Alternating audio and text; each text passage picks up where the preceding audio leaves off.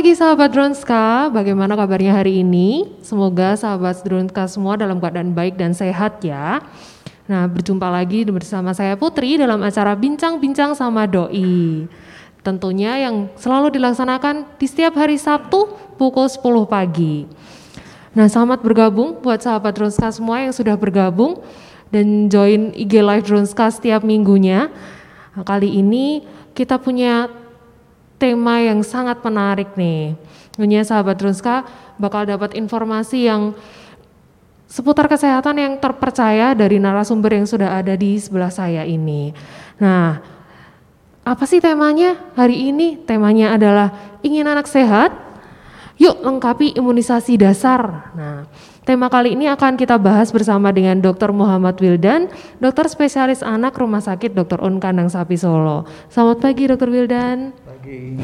Iya, sehat ya dokter? Alhamdulillah. amin. Sehat selalu, amin. Nah, di masa pandemi ini, hari sekarang ini kita sudah masuki bulan keempat di tahun 2021, tapi rasanya masa pandemi ini kok belum selesai ya, belum berakhir ya.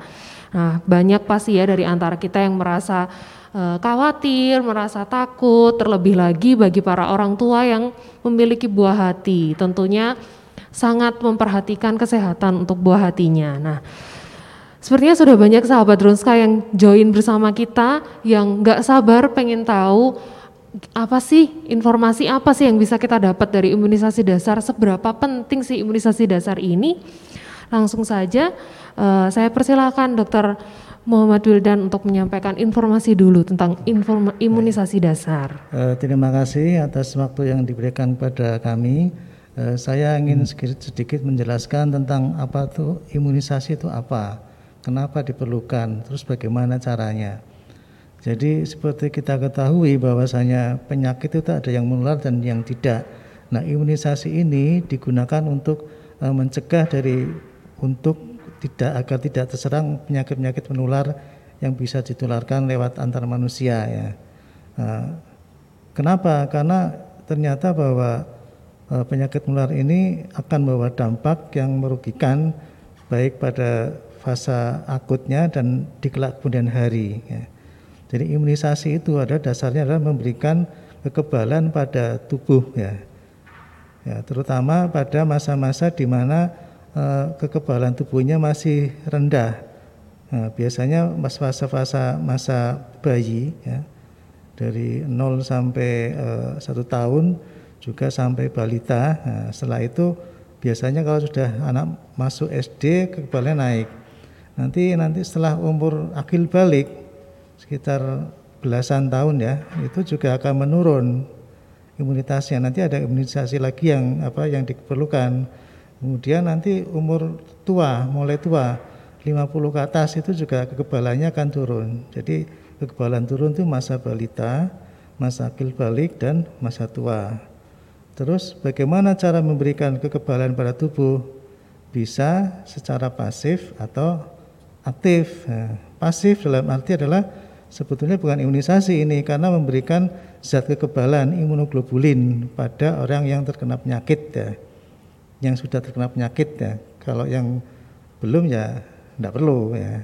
Kemudian kalau yang aktif nah, kita memancing tubuh untuk bisa memancing atau melatih tubuh untuk bisa memproduksi zat kekebalan sendiri sehingga di kemudian hari apabila ketemu dengan kuman yang sejenis yang telah di istilahnya diberikan latihan untuk mengantisipasi kuman tersebut eh, tubuh sudah siap ya. Hmm. Kalau yang imunisasi pasif biasanya bayi-bayi yang baru lahir untuk anak-anak ya, bayi yang baru lahir dengan ibu HBsAg positif, maka diberikan imunoglobulin atau ada merek dagang tertentu dan juga diberikan eh, imunisasi hepatitis B yang secara dini ya. Sedangkan imunisasi apa aktif ya sesuai dengan jadwal dari DAI dari umur 0 sampai 18 tahun kalau nggak salah ya, yang sekarang yang baru paling baru. Nah, sebetulnya imunisasi itu tidak ada dasar, tidak ada wajib, tidak ada sunnah, tidak ada anjuran. Sebetulnya kalau sesuai dengan jadwal dari IDAI yang direkomendasikan adalah ya semua. Tapi maaf karena mungkin apa masalah eh, ekonomi, ya, negara maaf ya negara ini tidak mampu untuk apa mengcover biaya imunisasi ini karena ada beberapa yang mahal ya sehingga diberikan sampai batas aman ya kira-kira imunisasi dasar sampai umur satu setengah sampai dua tahun tergantung jadwalnya ya. Nah, bagaimana imunisasi itu apa diberikan? Bisa lewat apa diminum ya. Bisa juga disuntikan ya. Kalau zaman dulu ada yang dikorek tuh yang cacar tuh. Saya ngalami itu dulu. Kalau sekarang sudah nggak ada. Penyakitnya sudah nggak ada ya. Yang yang diminum cuma dua kalau nggak salah yaitu apa namanya eh, polio tetes sama eh, ini antivirus rotavirus ya yang untuk diare itu biasanya yang lain semuanya disuntik ya ya kadang-kadang kalau menurut jadwal itu datang harus disuntik berapa macam ya tapi sekarang dengan kemajuan teknologi satu suntikan bisa mengcover enam jenis imunisasi ya, jadi suntik sekali dapat enam gitulah ya. Berarti langsung paket lengkap gitu ya dok? Ya, cuman yang bayarnya berapa kali gitu loh. Tapi kan secara ekonomi sebenarnya lebih lebih apa eh, hemat karena datang cuma sekali disuntik enam kali kan otomatis kalau combo itu kan bayarnya di coating-coating macam-macam ya. Kemudian apa namanya eh, apakah imunisasi akan menjamin 100% tidak ya. Intinya adalah bahwa bisa mencegah ya kira-kira yang sekarang sudah beredar sekitar antara 80 sampai 90 persen eh, apa namanya efektivitasnya ya kecuali covid ya yeah. sampai ini masih perdebatan. Ada yang bilang 20 60 dan sebagainya ya. Tapi yang yang lain-lain nah, terus eh, kemudian kenapa ada imunisasi harus diulang? Ya memang karena untuk memberikan latihan itu tidak cukup sekali. Ibaratnya seorang pasukan ya se, se, se kompi pasukan kalau latihan kan nggak cuma sekali. Kalau latihan cuma sekali, nanti ada yang lain cara antisipasinya juga beda lagi. Jadi nanti bingung lagi. Jadi untuk eh, namanya booster itu semacam kalau dianalogikan dengan suatu pasukan angkatan bersenjata atau apa namanya militer itu ya untuk latihan beberapa kali. Kalau latihan cuma sekali ya ya ilmunya cuma itu aja. Tubuh pun ya seperti itu. Jadi paling tidak booster itu dua sampai tiga kali biasanya dan tergantung jadi umurnya ya. Kemudian eh, apa eh, tadi bahwa tidak 100% melindungi ya, tapi kira-kira 80 90%. Kemudian kenapa ada imunisasi yang diulangnya harus setiap tahun? Nah, ya karena memang eh, masa apa namanya timbulnya antibodi dari vaksin tersebut kurang kurang lebih antara 6 sampai 1 6 bulan sampai satu tahun. Jadi dalam satu tahun harus diperbarui karena virusnya gampang mutasi seperti COVID ini ya. Baru dua bulan tiga bulan sudah ada strain baru, nah, model baru lagi ya. Nah, biasanya virus-virus uh, corona seperti imunisasi influenza itu harus diulang setiap tahun. Karena setiap tahun tuh vaksinnya beda. Nah, kemudian ada pertanyaan lagi, nah, anak saya kok dari imunisasi? Kok masih kena? Kan tadi dijawab. Kira-kira 90% masih bisa kena tapi gejalanya mungkin ringan atau kedua frekuensi sakitnya juga berkurang. Nah, yang penting lagi apakah kalau sudah kena harus imunisasi lagi? Nah ini pertanyaan seperti ini sering terjadi ya misalnya udah kena campak apa perlu diimunisasi lagi? Kok masih kena campak lagi? Kalau campak kan padahal cuma katanya sekali tidak. Strain virus itu bermacam-macam ya. Kayak yang saya tahu bahwa di sini dulu kalau nggak salah pakai virus strain yang dari Jepang. Padahal di sini ada tiga macam strain virus. Masing-masing punya apa namanya uh, kelebihan dan kekurangan sendiri sehingga ya seperti sekarang COVID ini COVID-19 ya uh, strain virusnya kan virus yang lama yang dari China ya. ya. Nah kalau sekarang ada virus baru ya mungkin saja kita masih bisa kena ya itu karena strain virusnya berbeda-beda ya sering seperti itu jadi walaupun diimunisasi tetap namanya apa protokol kesehatan itu harus dilaksanakan berarti untuk imunisasi ini untuk membentuk tentara di tubuh kita ya. begitu ya dokter dan tentara ini kalau belum terlatih atau latihannya masih kurang Ya, masih mungkin perang. untuk bisa terserang Iya, lagi begitu ya iya. dok ya. Jadi di dalam eh, tubuh kita antara lain punya pasukan namanya leukosit sel darah putih. Itu yang kerjanya sebagai tentara untuk melawan kuman. Kemudian ada logistiknya, ada komplement dan sebagainya itu itu juga untuk dalam rangka logistiknya. Tapi yang dia maju perang langsung itu adalah sel darah putih. Nah ini dalam rangka men- melatih sel darah putih untuk membantu apa meningkatkan vitalitasnya itu. gitu. Untuk menjaga daya tahan tubuh itu tadi ya, sehingga dokter ada ya. kuman masuk, virus atau bakteri atau yang lain, eh, sel darah putih sudah siap mau apa memakan kuman tersebut. Ya. Ada satu pertanyaan ini dok, apa yang akan terjadi pada anak bila melewatkan imunisasi dasar dok? Ya, yang namanya apa namanya imunisasi dasar tadi kan sebenarnya dia ada imunisasi dasar ya, sebenarnya nggak ada. Imunisasi yang dicanangkan pemerintah lewat apa KMS itu itu kan sampai umur satu setengah tahun kalau salah ya. Nah itu ya kita harusnya bisa mencegah penyakit-penyakit yang termasuk dalam eh, Di dalam imunisasinya eh, itu ya kategori imunisasi penyakit tersebut. Nah, apabila tidak diimunisasi, ya kemungkinannya dua bisa jadi terserang atau tidak. Kalau memang jadi suatu, eh, suatu penyakit suatu penyakit akan diderita oleh seseorang itu apabila orang itu satu lemah ya datanya. Yang kedua ada kuman atau agentnya cukup apa kuat ya. Yang ketiga mungkin lingkungannya juga jelek ya. Apabila ternyata orang ini kuat, lingkungannya baik, terus kumannya juga biasa-biasa saja, mungkin walaupun imunisasi, walaupun tidak diimunisasi ya sehat-sehat aja. Ya, karena emang memang dasarnya dia kuat, lingkungannya mendukung, apa namanya kumannya juga ternyata kuman yang biasa-biasa aja. Nah, tapi kalau misalnya ketemu di mana kondisi tubuh sedang lemah, tadi umur 0 sampai 5 tahun, ya. Kemudian mungkin gizinya juga kurang ya, memperburuk sehingga pembentukan antibodi juga kurang. Kemudian kebetulan ketemu strain virus atau bakteri yang patogen yang apa virulensinya kuat gitu, ganas itu. Nah, ditambah lingkungan penyakit itu menularkan begitu cepat atau mungkin banyak terdapat di lingkungan dia ya, ya gampang kena. Nah, apabila tidak imunisasi biasanya lebih sering frekuensinya lebih sering terkena. Yang kedua, kalaupun kena dia akan menderita penyakit-penyakit yang kategori yang sedang berat.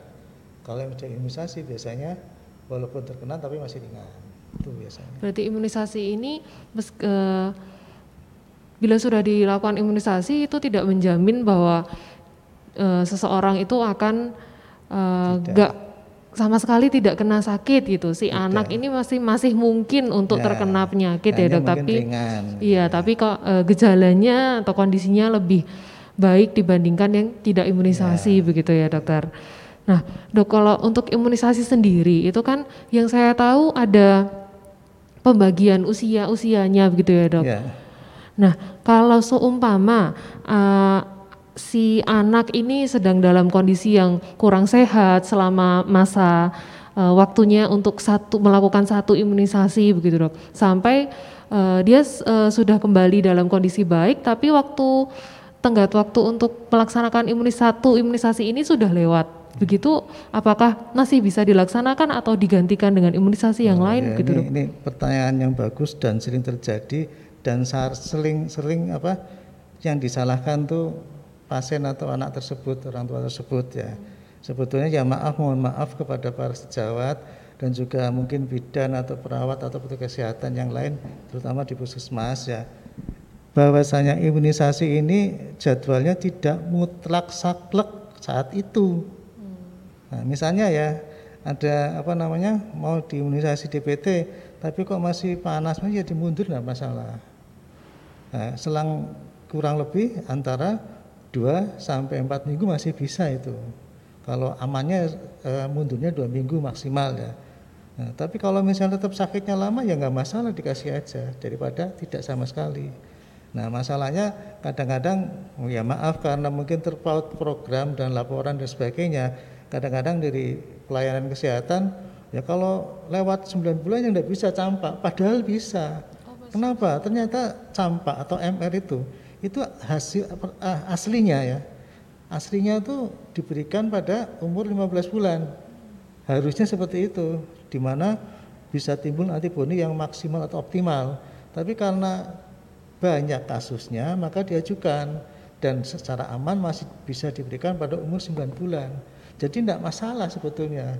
Hanya maaf mungkin karena kurang pengetahuannya atau mungkin apa namanya eh, karena masalah program laporan dan sebagainya. Jadi seolah-olah ya maaf kejar tayang gitu. Kemudian nanti mungkin juga masalah stok ya, masalah stok jumlah vaksinnya ya itu mungkin udah lewat ya sudah nggak bisa ini udah nggak ada kadang-kadang seperti itu masalahnya cuma sepele tapi sebetulnya jadwal itu fleksibel tidak mutlak tidak saklek ya masih bisa ada toleransi kira-kira dua mingguan maksimal nah kalau misalnya sampah boleh itu kan minimal 9 bulan oh. ya sampah atau MR1 minimal 9 bulan boleh mau satu tahun satu setengah tahun kapan sempat kapan sehat ya suntik aja Gitu. Siap dokter. Nah tadi sudah sempat dijelaskan juga dengan oleh dokter Wildan uh, tentang bahwa imunisasi itu sebenarnya nggak ada yang dasar, nggak ada yang wajib ya dok ya. Tapi ada pertanyaan ini dok, uh, apa positif dan negatifnya jika imunisasi tambahan dok di, di luar imunisasi dasar itu tidak diberikan kepada anak, gitu dok? Ya, maaf ya, jadi kalau nggak ada dasar ya nggak ada tambahan. ya itu ya otomatis ya kalau tidak diberikan ya masih mungkin lebih kemungkinannya lebih besar untuk serang penyakit tersebut misalnya eh, yang dikatakan imunisasi tambahan atau anjuran misalnya untuk pneumokokus ya. ya. Ya, kalau nggak dikasih itu imunisasi ya kemungkinan terserang penyakit itu secara matematis ya ya lebih besar. mungkin lebih besar kemungkinannya berapa kali lebih besar kalau ya, jadi jadi ya itu aja masalah dasar tambahan itu sebenarnya itu kata-kata ya maaf karena mungkin program dari pemerintah di mana dananya terbatas seperti itu. Kalau di luar negeri yang kaya nggak ada itu nggak ada yang bayar, semua gratis. Gitu. Berarti pada dasarnya semua imunisasi itu lebih baik e, diperlukan oleh tubuh gitu ya, ya dok? Semua di, yang ada di, ya, dok? di tabel dasar imunisasi, tabel rekomendasi IDAI yang imunisasi itu jadi nggak ada dasar dari tambahan, nggak ada sebetulnya. Ya. Cuman maaf karena mungkin karena masalah itu. Eh. Tapi uh, jika memang tidak mencapai ke sana, maka imunisasi dasar ini uh, sementara dianggap cukup untuk memenuhi kekebalan tubuh. Ya, gitu ya, paling ya, tidak ya. untuk penyakit-penyakit apa namanya yang banyak terjadi di populasi. Ya, cuman kadang-kadang sebenarnya tipes itu kan banyak itu ya. Iya, dok. Tapi nggak masuk dasar itu masalahnya. dan itu umur 2 tahun mulainya kalau yang apa hepatitis A mungkin mungkin nggak perlu ya iya dokter terus apa eh, pneumokokus ya mungkin ya relatif tapi tipes itu harus harus mestinya kalau cacar air ya mungkin nggak perlu nggak masalah cacar air sekarang sudah tidak banyak ya dok ya masih masih banyak Atau cuma kan gimana? ya insya Allah gejalanya ringan-ringan aja paling ya kelihatan menakutkan tapi nggak ada yang fatal itu maksudnya. Oh begitu dokter. Nah kalau untuk perkembangan vaksin COVID-19 sendiri dok yang khusus untuk anak-anak itu bagaimana ya dok? Apakah mungkin selanjutnya bisa menjadi imunisasi dasar juga begitu dok? Ya apa kalau untuk anak sementara ini belum ada ya. Ya memang ya ini sekedar, sekedar pengetahuan aja ya.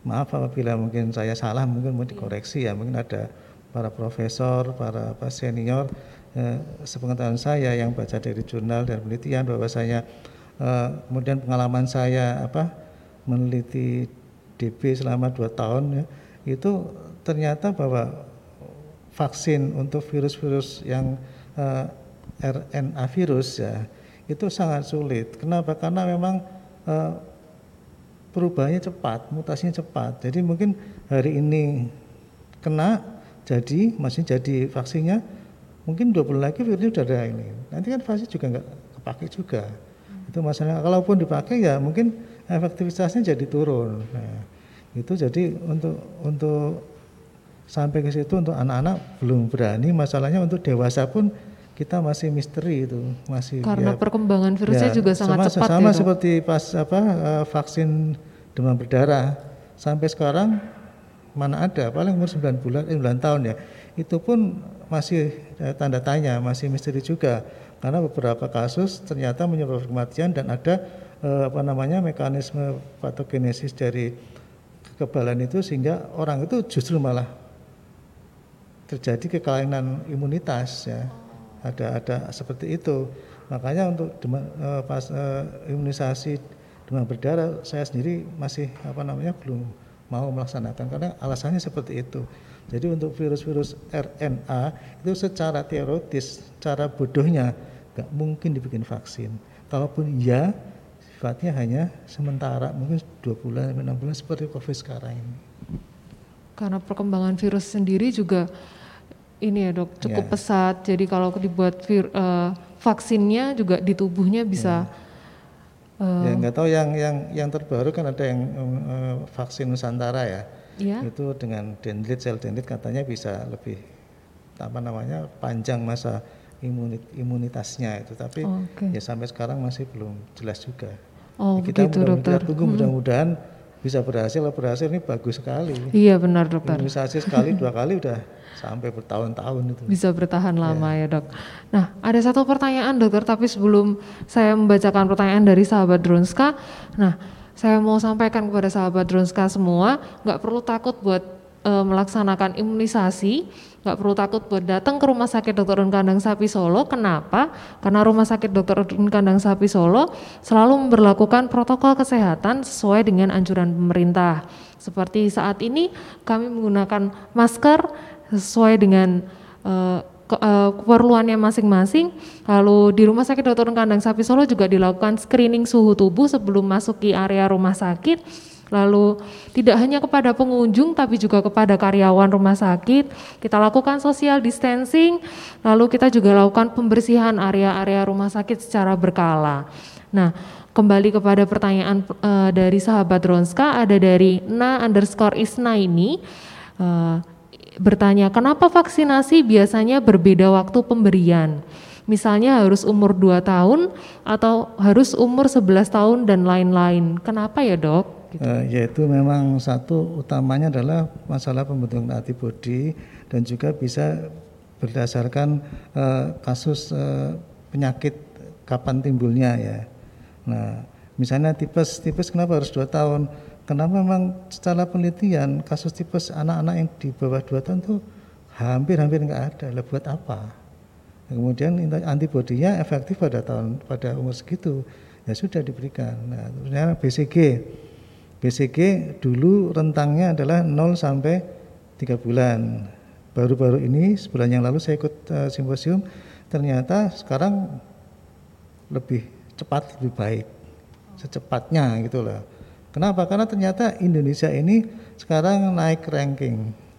Tadinya ranking 3 di bawah India, sekarang jadi ranking 2. India malah turun. Tapi ranking yang jelek maaf ya ya itu ya tugas kita tugas kami semua ya. Itu makanya seperti itu. Terus apa? Ya karena itu karena masalah eh, insidensi penyakit ya dan juga masalah timbulnya antibodi yang optimal ya, ya itu. Biasanya berdasarkan itu berarti menyesuaikan dari penelitiannya juga ya dokter ya, ya? dasarnya dasarnya antara lain dua itu jadi insidensi penyakit dan Ya. juga kapan bisa timbul antibodi optimal. Dan yang ketiga mungkin faktor keamanan. Keamanan iya benar dok. Lalu ada pertanyaan lagi dok dari Siska Setio. Dok anak saya 18 bulan. Menurut IDAI 2020 dilakukan vaksin hepatitis A tapi sekarang di atas satu tahun apakah bisa bareng dengan vaksin varicella? Eh, untuk vaksin yang berbeda itu karena masing-masing suntikan tidak boleh bareng. Paling selisih satu bulan. Paling aman antara vak, di antara vaksin itu selisih penyuntikannya satu bulan. Kalau kepepet dua minggu bisa. Tapi lebih baik apa namanya satu empat minggu baiknya dalam waktu empat minggu ya dok dalam waktu dua minggu itu mungkin untuk kasus tertentu ya begitu kalau ya ya? kepepet misalnya mau pergi apa mau kehabisan apa obatnya mau ede ya. Berarti memang vaksin ini bermacam-macam ya dok. Ada yang bisa Ya. diberikan bersamaan, Ya. ada yang harus eh, terpisah Ya. waktunya. Ya. Itu karena apa ya dok? Ya karena masing-masing kan punya apa namanya timbulnya antibodi kan lain-lain sendiri-sendiri. Ya. Cuman dari penelitian ada beberapa yang ternyata dengan pemberian secara serentak tidak masalah. Ada yang tidak bisa digabung yaitu menurut penelitian aja. Ilmunya saya sendiri yang yang menguasai ya ahli vaksin itu. Cuman secara pemakaiannya yaitu kalau dari uh, uh, istilahnya masing-masing uh, ada pembentukan antibodi sendiri uh, sesuai dengan apa namanya waktu dan uh, yang disuntikan. Berarti memang diusahakan sesuai dengan jadwal yang sudah ya, diberikan. Kalau bisa cuman jangan tidak mutlak ya, tidak oh, mutlak. Iya, ya. Ini iya. saya mau menghimbau maaf ya, maaf hmm. maaf sekali kepada para petugas kesehatan terutama di uh, para posyandu kemudian di apa namanya puskesmas ya di kadang-kadang uh, dokter umum maaf ya. Kadang-kadang apa karena sudah lewat uh, bayi sudah lewat umur satu minggu atau dua minggu tidak diimunisasi hepatitis B nol. Nah, itu ya mungkin karena faktor bayi itu lahir tidak sehat, ya mungkin kuning atau mungkin sesek apa-apa sehingga sehat baru setelah dua minggu ya ya diberikan aja nggak masalah. Ya, jangan dimarahi. Ya maaf ya maaf sekali karena saya biasanya ceritanya seperti itu datang pada saya saya dimarahi kalau datang sana kalau waktunya nggak tepat gini-gini nggak termasuk nggak bisa dan sebagainya. Eh, itu ya mohon maaf maaf sekali. Jangan seperti itu. Ya cakupan apa eh, cakupan eh, imunisasi kejar tayang iya tapi ya kan yang kasus seperti itu juga cuma satu dua aja nggak banyak gitu loh. Kan ya bisa iya, dimaklumi dokter. saya kira ada toleransi iya dokter Baik, ada pertanyaan lagi dokter. Bagaimana jika imunisasi rotarik terlambat dari IMA 1326? Gimana? Bagaimana jika imunisasi rotarik terlambat begitu dok? Ya itu tadi kan toleransinya kira-kira dua, dua minggu ya. Kalau lebih dari dua minggu untuk boosternya biasanya diulang dari awal. Tapi kalau misalnya tidak punya dana, enggak, ya sudah tidak apa-apa diberikan sebulan pun tidak apa-apa. Saya, saya kalau saya lebih lebih fleksibel, jadi tidak saklek seperti itu. Nanti kalau saklek orang tidak mau datang, takut. Nanti dimarahi dokternya, dimarahi susternya, dimarahi bidanya, di posyandu, di onek-onek ke. Nah itu yang tidak boleh sebenarnya. Orang datang mau Indonesia sudah bagus. Mari kita ajak untuk kita ajak untuk kita baik-baik aja. Ya, dok. Ya. Toh semuanya tidak mutlak kita usaha mas. Yang mana ibaratnya kalaupun jadwalnya itu pun tetap apa mutlak saklek sama ya misalnya sejarah belum tentu hasilnya lebih baik daripada yang mungkin agak molor seminggu hmm. tidak mesti tergantung dari kondisi si anak ya, juga misalnya jadwalnya ya, dok. kan ada beberapa kejadian harus ya. jadwalnya harus 9 bulan red ya, ternyata batu-batu setelah diimunisasi panas kejang nah, itu kan nanti gara-gara imunisasi. Malah efek sampingnya lebih besar nah, ya, ya dok ya? Enggak, nanti padahal bukan karena imunisasi, padahal ini perkembangan penyakit aja. Nanti salahkan oh. dokternya, perawatnya itu. Baik dokter. Berarti tetap laksanakan imunisasi ibu-ibu, bunda-bunda, sahabat Ronska supaya anak-anak kita semua bisa sehat sebagai penerus bangsa Indonesia ini. Nah, saya mau berikan informasi lagi buat sahabat Ronska semua, buat para bunda yang sudah sering datang ke Rumah Sakit Dr. Kandang Sapi Solo pasti sudah tahu ya. Kalau di Rumah Sakit Dr. Kandang Sapi Solo tidak hanya punya layanan imunisasi dasar, kami juga punya paket imunisasi dasar. Selain itu, ada juga layanan pijat bayi, juga baby spa yang dilaksanakan di Klinik Ibu dan Anak atau KIA tentunya berada di area healthy atau area sehat di Rumah Sakit Dr. On Kandang Sapi Solo. Nah, jadi bunda-bunda di luar sana, jadi para ibu-ibu tidak perlu khawatir buat datang ke rumah sakit karena Drunska tetap aman. Nah, ada pertanyaan lagi dokter dari Veronica.arum. Boleh tidak jika semua imunisasi tambahan diambil Ya boleh saja. Boleh sekali ya, Dok. Ya maaf, itu semua apa namanya yang telah di jadwal IDAI 20 itu ya harus semuanya harus cuma dilaksanakan kalau oh, ya, memungkinkan.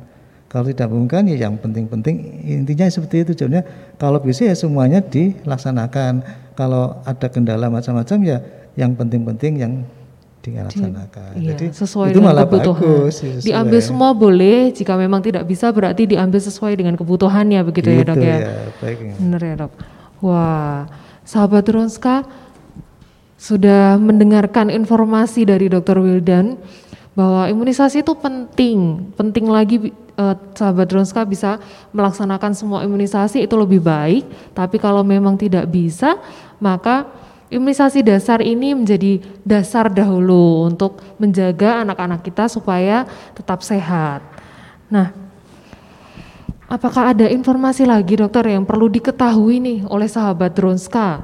Oh iya tadi Yang tadi penting, masalah masalah KIPI ya Oh, iya, kejadian apa namanya pasca imunisasi itu kejadian ikutan pasca imunisasi itu kadang-kadang maaf eh, dari petugas pelayanan kesehatan baik eh, perawat dokter maupun bidan kadang-kadang tidak memberitahu terutama imunisasi BCG.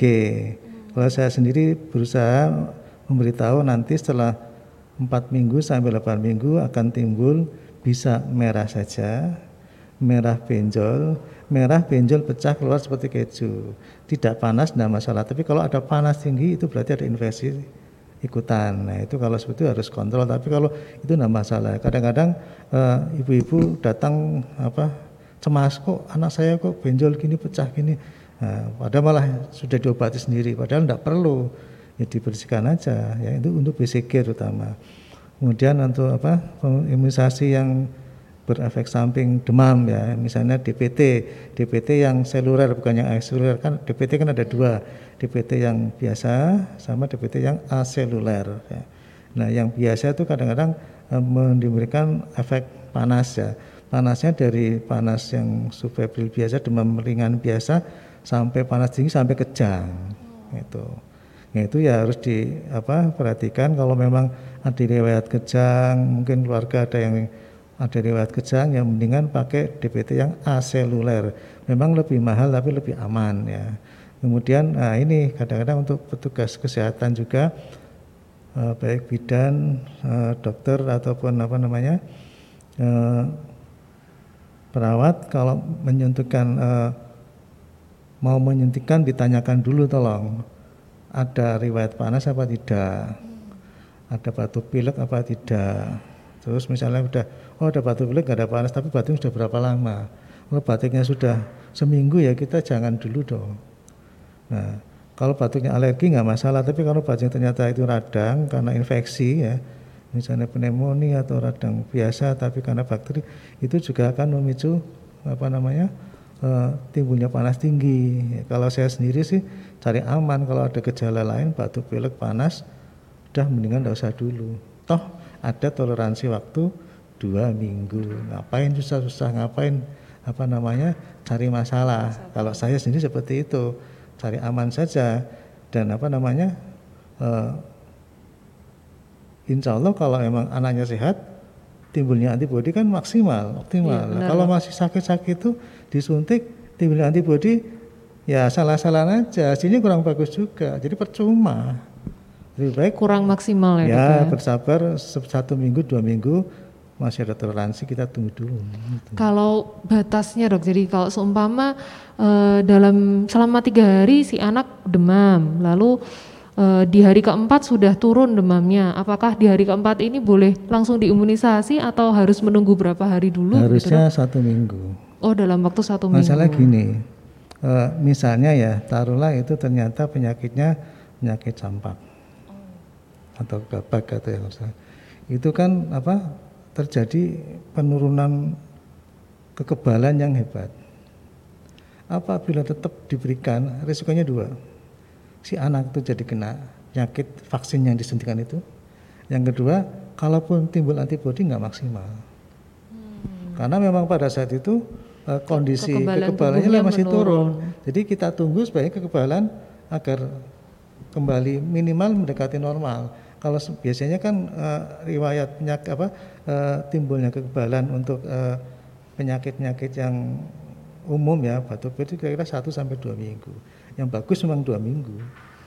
Berarti menunggu satu sampai dua minggu waktu Iya. setelah eh, sembuh dari sakitnya Terus dulu baru diimunisasi. Demam berdarah. Iya. Demam berdarah itu kadang-kadang gejalanya cuma panas hari dua hari. habis itu udah nggak gejala cuma nanti hari kelima atau hari keempat karena kan angkat lagi kemudian pada hari kelima ke atas timbul trombositnya turun. Ada kekentalan dari darah. Nah kalau pas saat itu disuntik mau jadi apa? Bisa kembali lagi menyebabkan turun bisa penyakit tambah yang lain. jelek penyakitnya. Ya, itu makanya untuk penyakit penyakit virus yang range range penyakitnya ya rentang penyakitnya untuk penyakit virus biasanya antara 0 sampai 8 hari. Ada yang sampai 10 hari jadi kenapa sampai 10 hari ya contohnya covid ini kan kalau baru 10 hari baru bisa keputusan sembuh apa enggak Ah, benar juga.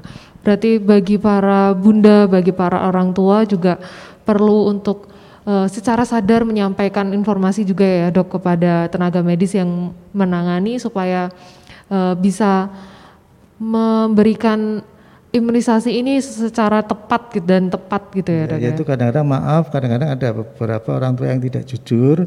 Yang kedua, justru petugas kesehatannya kejar tayang, kejar laporan, jadi udah apa suntik apa suntik aja gitu loh. Yang penting Iya, laporan masuk jumlah yang diimunisasi banyak, apa namanya lapornya ke bos, wah ini sudah banyak cakupannya, nilainya bagus ya, bukan seperti itu. Iya dokter. Nah, sepertinya ini ada pertanyaan lagi dokter dari Ambar 3209. Ini pertanyaan terakhir ya dokter ya. Eh, imunisasi yang dilakukan pada anak SD, bagaimana kalau tidak dilakukan karena sudah pernah dapat imunisasi, imunisasi dasar? Apa efeknya gitu dok? Oh ya, imunisasi SD atau pada bias namanya, bulan imunisasi sekolah, anak sekolah, biasanya umur 6 tahun ke atas ya. Yang diimunisasi adalah DT, apa? Eh, difteri dan tetanus ya. Itu ya